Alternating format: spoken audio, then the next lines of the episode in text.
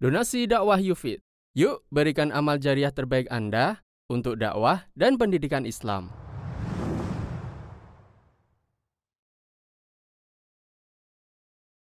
Bismillahirrahmanirrahim. Assalamualaikum warahmatullahi wabarakatuh. Alhamdulillahi rabbil alamin.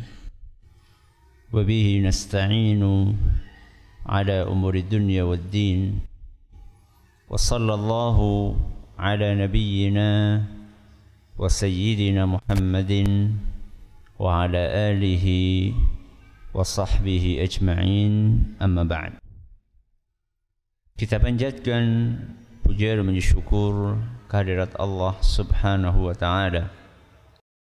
Pada kesempatan malam yang berbahagia kali ini tanggal 14 Muharram 1441 Hijriah atau yang bertepatan dengan tanggal 13 September 2019 kita masih kembali diberi kekuatan, kesehatan, hidayah serta taufik dari Allah Jalla wa Ala. Sehingga kita bisa kembali menghadiri pengajian rutin untuk membahas adab dan akhlak di dalam Islam di Masjid Jenderal Besar Sudirman di kota Purwokerto ini.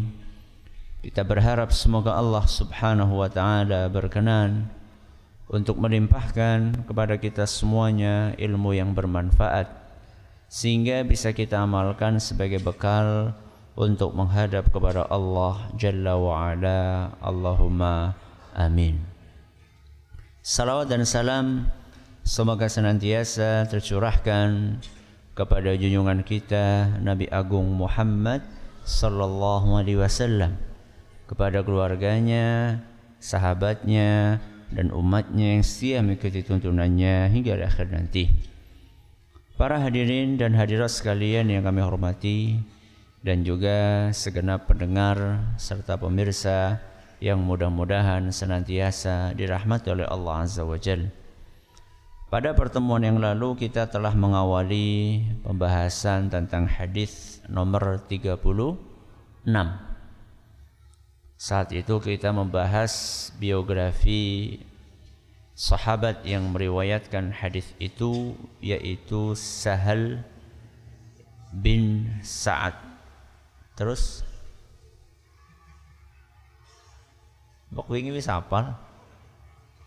Sahal bin Sa'ad bin Malik As-Sa'idi Al-Ansari radhiyallahu anhuma.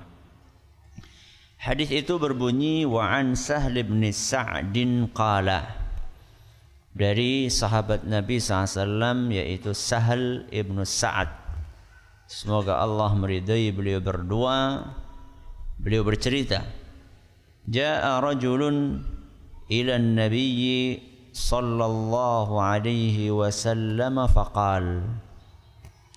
Pada suatu hari ada seorang datang menemui Rasulullah sallallahu alaihi wasallam sambil berkata Ya Rasulullah wahai Rasul dullani ala amalin.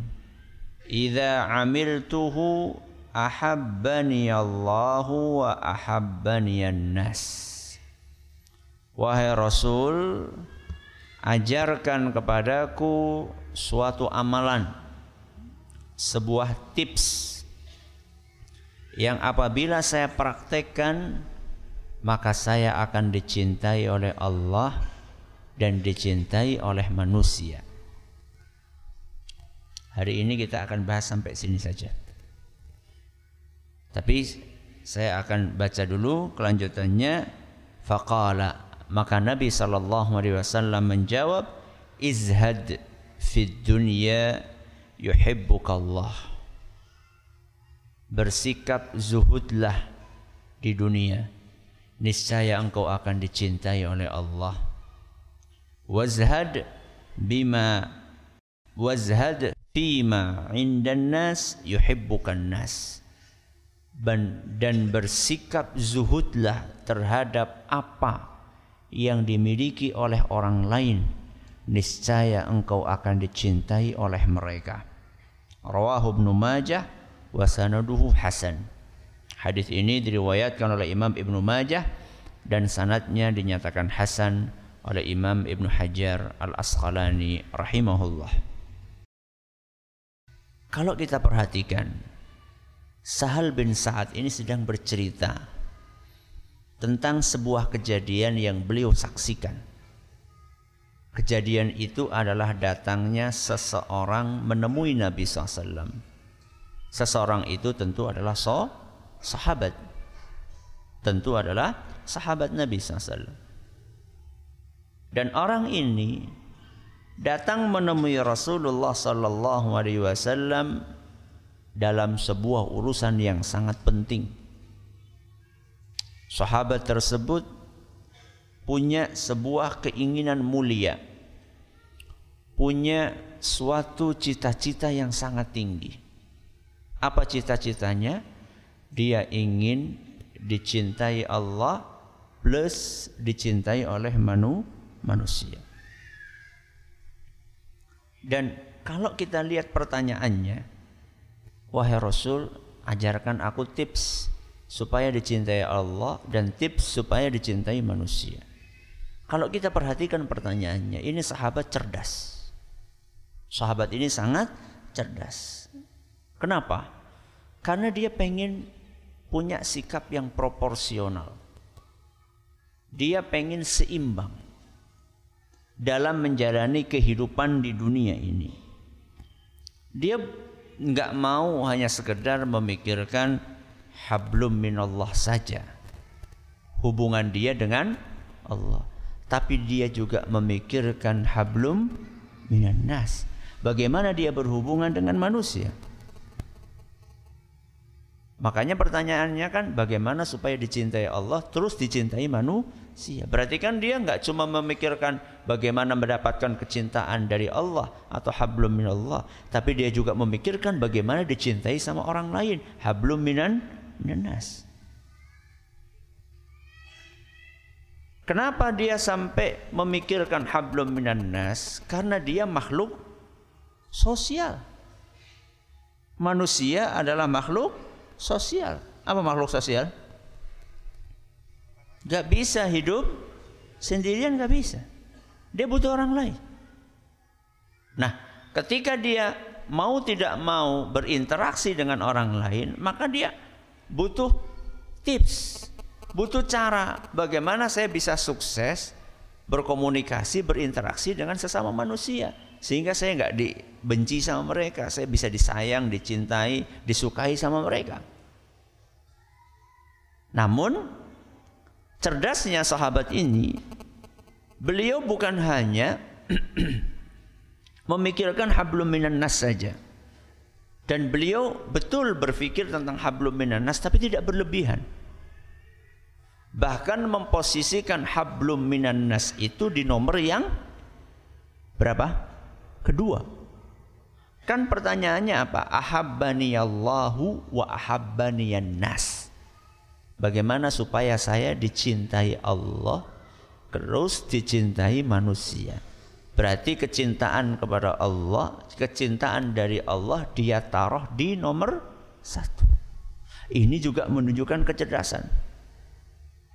Kenapa? Karena orang sudah dicintai sama Allah, maka yang lainnya akan gampang untuk diraih. Emang kenapa kalau sudah dicintai sama Allah? Mari kita dengarkan apa yang disampaikan oleh Nabi kita Muhammad sallallahu alaihi wasallam dalam hadis yang diriwayatkan oleh Imam Bukhari dan Muslim. Apa kata Nabi SAW? Idza ahabba Allahul 'abda nada Jibril. Allah itu kalau sudah mencintai salah satu dari hambanya maka Allah akan memanggil malaikat Jibril. Siapa yang dipanggil? Malaikat Jibril. Allah berfirman, innallaha yuhibbu fulanan fa ahbibhu fayuhibbuhu Jibril Allah Subhanahu wa taala memanggil malaikat Jibril Allah berfirman sesungguhnya Allah sudah mencintai si A. Maka kamu harus mencintai si A. Kamu di sini siapa? Jibril. Manut? Manut apa betul ya manut lah. Emang manusia. Yang disuruh siapa? Malaikat Jibril. Gak pernah malaikat Jibril itu mengatakan ndak kalau Allah katakan A ya A kalau Allah katakan B ya B maka malaikat Jibril pun mendapatkan perintah dari Allah seperti itu, maka malaikat Jibril pun mencintai si fulan, si A itu. Terus apa lagi? Fanada Jibril fi ahli sama. Setelah Jibril mencintai si A tersebut, maka malaikat Jibril pun memanggil penghuni langit. Sinten? Sinten penghuni langit? Itu manuk. Sinten? Malaikat semuanya. Fanada Jibril fi ahli sama. Maka malaikat Jibril pun memanggil penghuni langit dan beliau berkata, Inna Allah yuhibbu fulanan fa ahibbuh fayuhibbuhu ahlus sama. pengumuman sesungguhnya Allah sudah mencintai si A maka kalian semuanya harus mencintai si A. Manut? Ya manut. Maka seluruh penghuni langit pun mencintai si A. Pinten? Berapa jumlah mereka? Ma min maudhi arba'ati asabi' setiap jarak empat jari di langit ada satu malaikat setiap jarak empat jari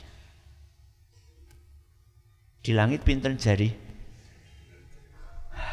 langit langit itu penuh dengan malaikat sehingga Nabi SAW katakan apa? Attatis sama'u wa huqqalaha anta'id. Langit itu berderit-derit keberatan muatan. Karena saking apanya? Saking padatnya. Dengan malaikat.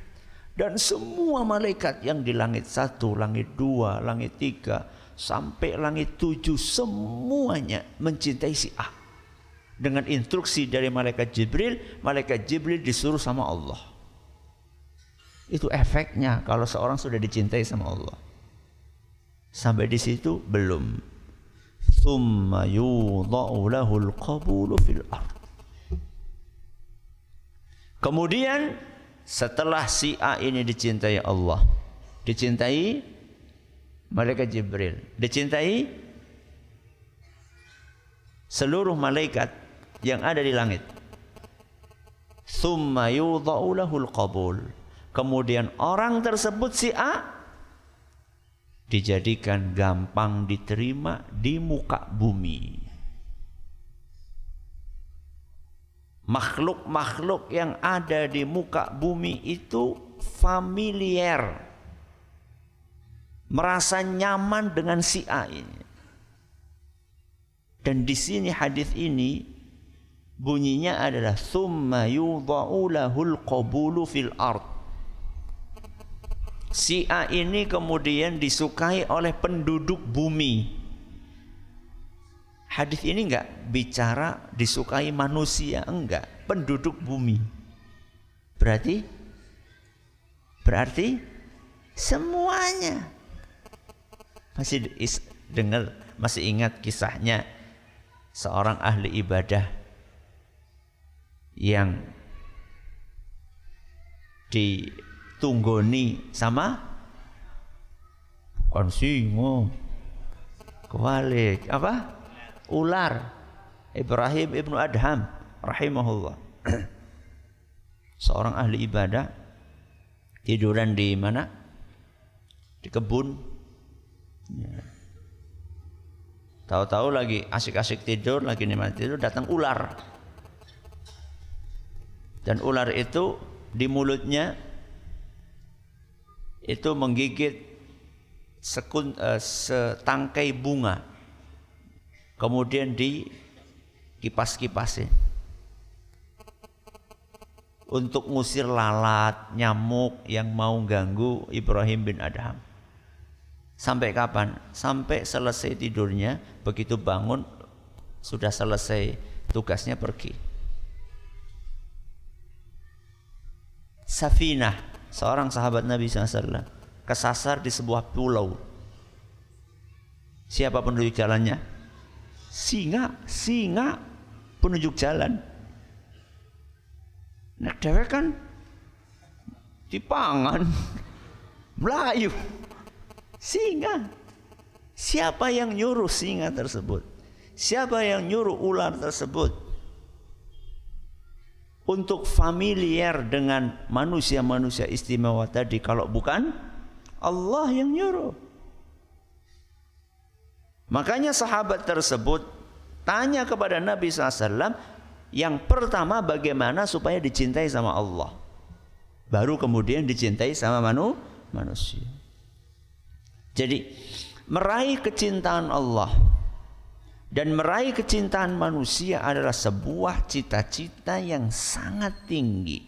Hanya orang-orang pilihan yang bisa menggapai cita-cita mulia tersebut hanya orang-orang pilihan. Yang namanya orang pilihan itu banyak apa sedikit? Kata napa sekedik? Teng mriki wonten. Mudah-mudahan. Sebagian orang mikirin aja enggak. Sebagian orang mikirin aja enggak. Mikirin apa? Gimana supaya dicintai Allah? Mikir aja enggak. Kepikir terlintas, terbersit di benaknya priwe ya carane ben dicintai Allah. Kepikir aja enggak. Apalagi berusaha. Berusaha kan langkah kedua kan. Langkah pertama kan mikir di, lo mikir be ora. Kepikir untuk mencari cinta Allah saja tidak, apalagi berupaya untuk meraih cinta Allah. Kok bisa Ustadz? Kok ada orang seperti itu? Iya, karena dia punya konsentrasi yang berbeda. Apa itu Ustadz? Ya apalagi kalau bukan dunia. Yang ada di benaknya hanya dunia, dunia, dunia. Yang ada di otaknya hanya bisnis, bisnis, bisnis. Yang ada di otaknya hanya duit, duit, duit. Yang ada di otaknya hanya kuliner, kuliner, kuliner. Mangan, mangan, mangan. Ya adalah selipannya minum. Kalau yang masih anak-anak, yang masih muda-muda, game, game, game. Futsal, futsal, futsal. Awan futsal, esok futsal, wengi futsal. Subuhan. Aduh, Masya Allah. Nongkrong, nongkrong, nongkrong. Ya nggak mungkin lah akan kepikir tentang bagaimana meraih kecintaan Allah, apalagi berusaha ke sana. Allah menggambarkan manusia-manusia seperti itu dalam firman-Nya surat Ar-Rum ayat 7. Surat apa? Ar-Rum ayat 7. Ya'lamuna dha ya'lamuna zahiran minal hayati dunya mereka itu hanya mengerti tentang kehidupan dunia yang kelihatan saja. Wahum anil akhirati hum ghafilun. Adapun kehidupan akhirat maka selalu mereka abaikan. Sehingga setiap ada orang datang ngajak dia sekedar untuk hadir pengajian, selalu ada alasan. Ya. Yang inilah, yang itulah, urusan inilah, urusan itulah. Ya. Datang waktu sholat, undur, undur, undur, selalu seperti itu. Manusia-manusia yang seperti ini bagaimana mungkin dia akan bisa ingat tentang bagaimana mendapatkan kecintaan Allah Azza wa Jalla. Baik. Jadi sahabat ini datang menemui siapa? Rasulullah SAW. Oke. Dia punya cita-cita mulia. Apa cita-citanya? Pengen dicintai Allah, pengen dicintai manusia. Cara mengetahui hal tersebut penting atau tidak? Penting. Makanya sahabat tersebut tanya kepada ahli. Tanya kepada ahlinya. Karena ini masalah penting. Beliau tidak nemui sembarang orang. Tapi beliau langsung mendatangi ahlinya. Sinten? Rasulullah sallallahu alaihi wasallam. Salah satu prinsip yang perlu kita anut. Salah satu prinsip yang perlu kita praktekkan adalah selektif dalam mencari sumber informasi. Kenapa? Selektif dalam mencari sumber informasi, apalagi kalau informasinya itu terkait dengan agama. Nopo? Selektif dalam mencari sumber informasi apalagi kalau informasi yang dicari adalah tentang agama. Di dalam Sahih Muslim diriwayatkan seorang ulama yang bernama Imam Muhammad bin Sirin rahimahullah. Beliau pernah berpesan apa? Inna hadzal ilma dinun. Sesungguhnya ilmu ini bagian dari agama. Fanzuru amman ta'khuduna minhu dinakum. Maka hendaklah engkau selektif dari siapa engkau mengambil ilmumu itu. Jadi nek ngaji niku milih-milih leres nopo salah. Leres nopo salah? Leres. Ya. Dan milih-milihnya itu bukan karena fanatisme golongan, bukan karena fanatisme ormas, bukan. Bukan karena fanatisme kesukuan pada pada ngapak gitu. Nek orang ngapak ora penak ya. Bukan karena itu, bukan. Tapi karena memang orang ini kapabel, punya kemampuan di bidangnya. Jadi belajar agama itu harus selektif. Siapa bilang belajar agama dari siapa aja? Bukan dari siapa aja, tapi dari orang-orang yang punya kapabilitas dalam bidang agama, memang ahli di bidang tersebut. Terus kalau tanya masalah masak memasak, ya jangan tanya sama ustadz. Ustadz itu bukan ahlinya. Ya. Apa pesan Allah di dalam Al-Quran? Fas'alu ahla dzikri in kuntum la ta'lamun. Surat An-Nahl ayat 43. Surat apa? An-Nahl ayat 43. Fas'alu ahla dzikri in kuntum la ta'lamun. Bertanyalah kepada ahlinya. Kalau kalian tidak tahu. Ada seorang ulama. Ada seorang ulama menyampaikan pengajian. Islam itu ajaran yang sempurna. Seluruh permasalahan hidup ada jawabannya dalam Al-Quran. Apa pun masalah yang kalian hadapi, ada jawabannya dalam Al-Quran. Oke. Ada orang pengen ngetes ulama tersebut. Maka dia pun nelfon ulama tadi.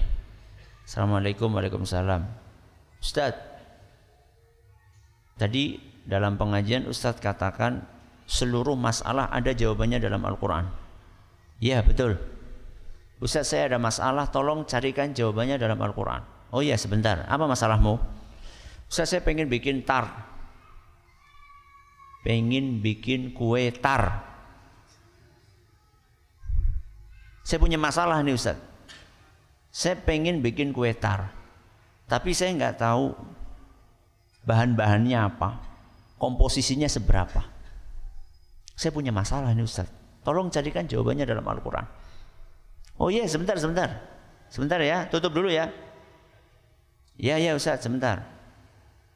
Tutup. Terus kering, kering, kering. Cari nomor tukang roti.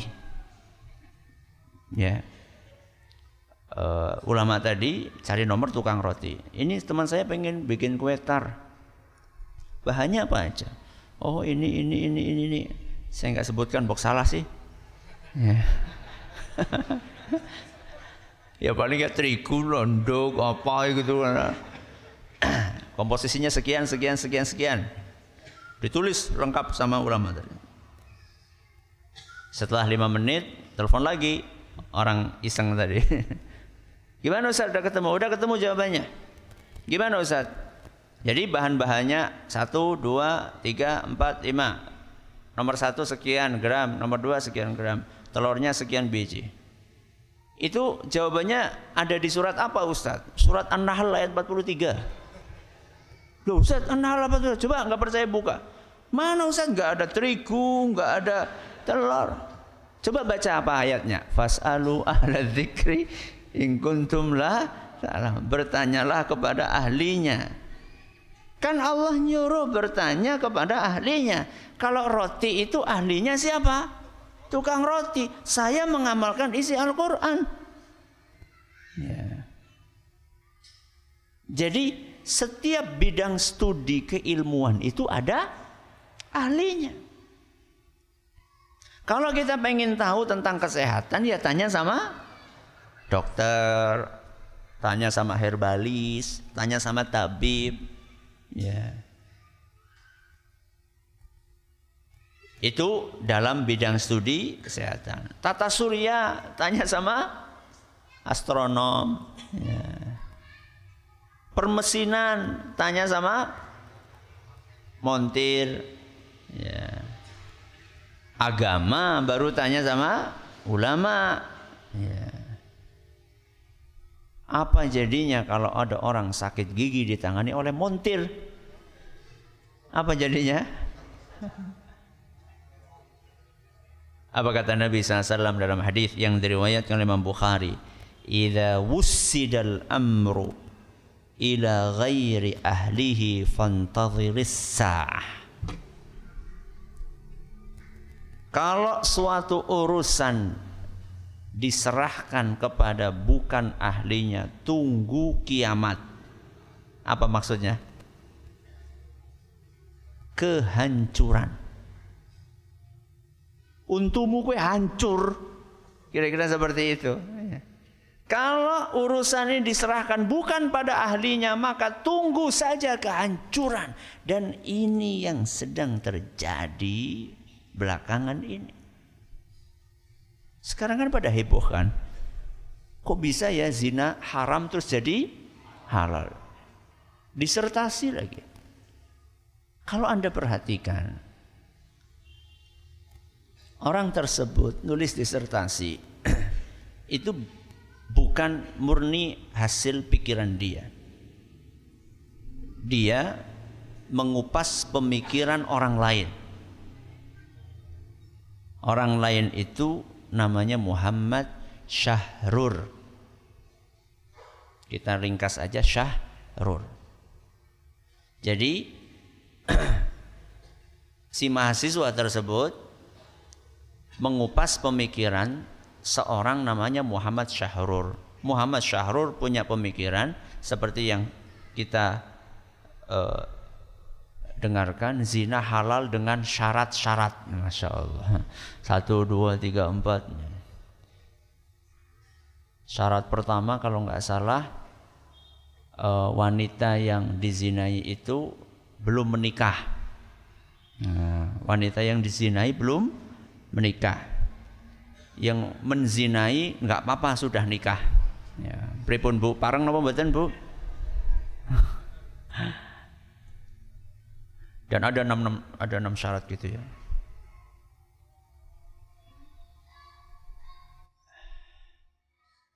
Udah masuk kok belum? Jadi yang dikupas pemikirannya siapa? Muhammad Syahrul. Berarti mahasiswa ini menjadikan memposisikan Muhammad Syahrur sebagai tokoh yang dikupas pemikirannya. Baik, nanti kita akan uh, sedikit baca siapa Muhammad Syahrur tersebut. Alhamdulillah Rabbil Alamin Assalatu wassalamu ala nabiyina Muhammadin Wa ala alihi wa sahbihi ajma'in Amma ba'd Yang dikupas adalah pemikirannya siapa tadi? Muhammad Syahrul. Pemikiran apanya? Pemikiran keagamaannya. Pemikiran keagamaannya bahwa Syahrul menganggap zina boleh dengan syarat ini ini ini.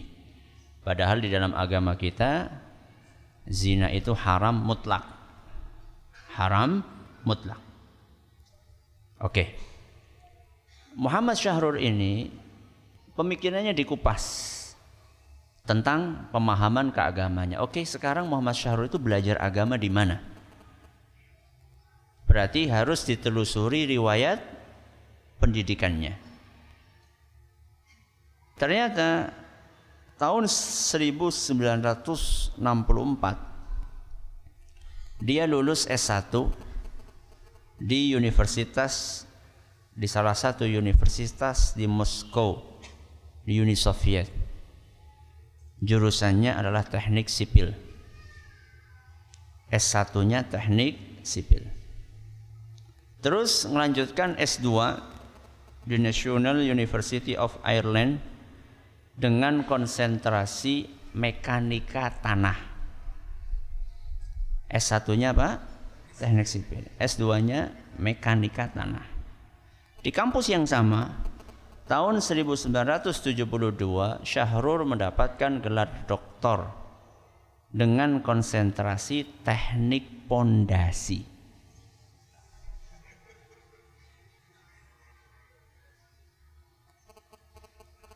Tidak ada riwayat Syahrul ini belajar agama kepada siapa di universitas apa? Kepada ulama siapa? Bahkan ketika masih kecil, umumnya anak-anak di Syria itu masuk ke kutab. Ya kalau bahasa kita madrasah diniyah gitu ya. Syahrul ini ketika kecil malah disekolahkan di pen, sebuah lembaga pendidikan sekuler di Al-Midan, wilayah selatan Damaskus. Jadi tidak ada riwayat belajar agama kepada siapa di mana.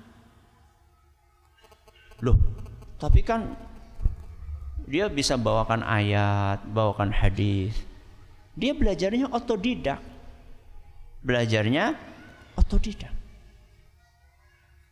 Dan sering kita sampaikan bahwa belajar agama, belajar ilmu agama itu tidak bisa otodidak. harus berguru. Harus berguru. Kenapa? Karena dikhawatirkan akan salah memahami ilmu.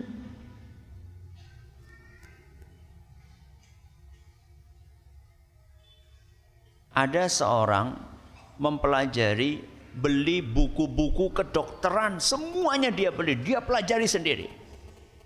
Nggak kuliah di fakultas kedokteran. Boleh praktek buka praktek dokter gitu boleh boleh atau tidak tidak boleh kalau sampai buka praktek maka akan kena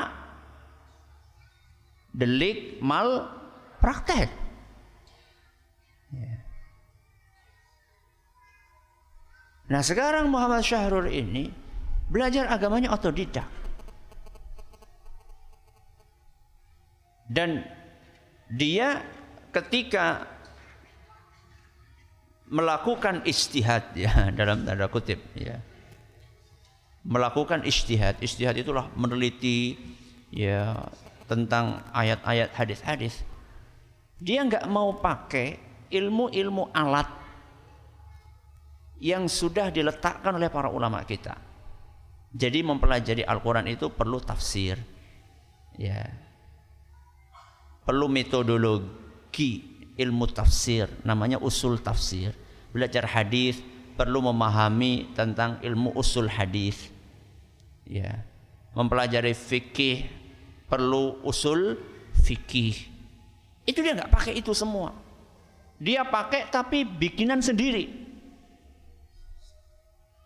Ya.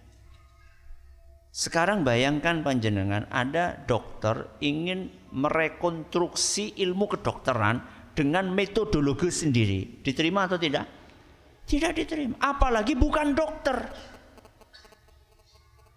Nah sekarang bukan ulama ingin merekonstruksi keilmuan Islam yang halal jadi apa? haram yang haram jadi halal yang nggak bisa diterima lah dan anehnya kemudian disertasi yang seperti itu diloloskan. Itu kan aneh bin ajaib. Ya. Ketika rame rame rame rame baru kemudian ada apa namanya? Revisi revisi revisi revisi. Loh, selama ini melalui empat kali ujian itu apa nggak ada revisi? Baru ketika rame kemudian ada revisi itu pun sudah lulus. Ya. Maka kembali bahwa di dalam agama kita selektif dalam mencari sumber informasi itu adalah sebuah prinsip dalam kita beragama.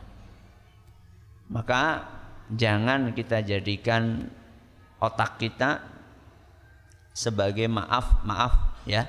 Tong tong sampah jangan. Ya yang selektif yang selektif. Ya. dan nggak perlu jenengan penasaran kayak apa sih lah? Aku tak maca buk malah terbawa. Ya, malah terbawa. Ya. Biarlah orang-orang yang memang ahlinya di bidang itu yang meluruskan beberapa hal yang perlu diluruskan. Ya.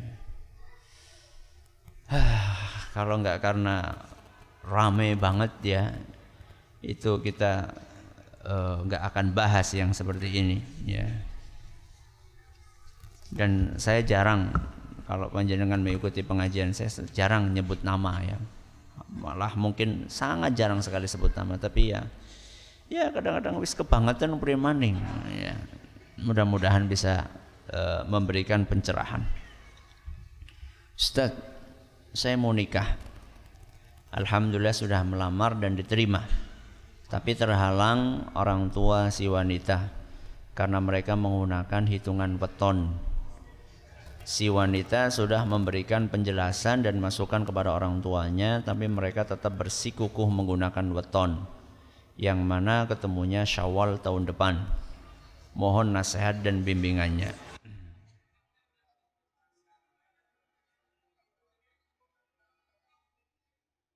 Pertama, Anda harus berusaha.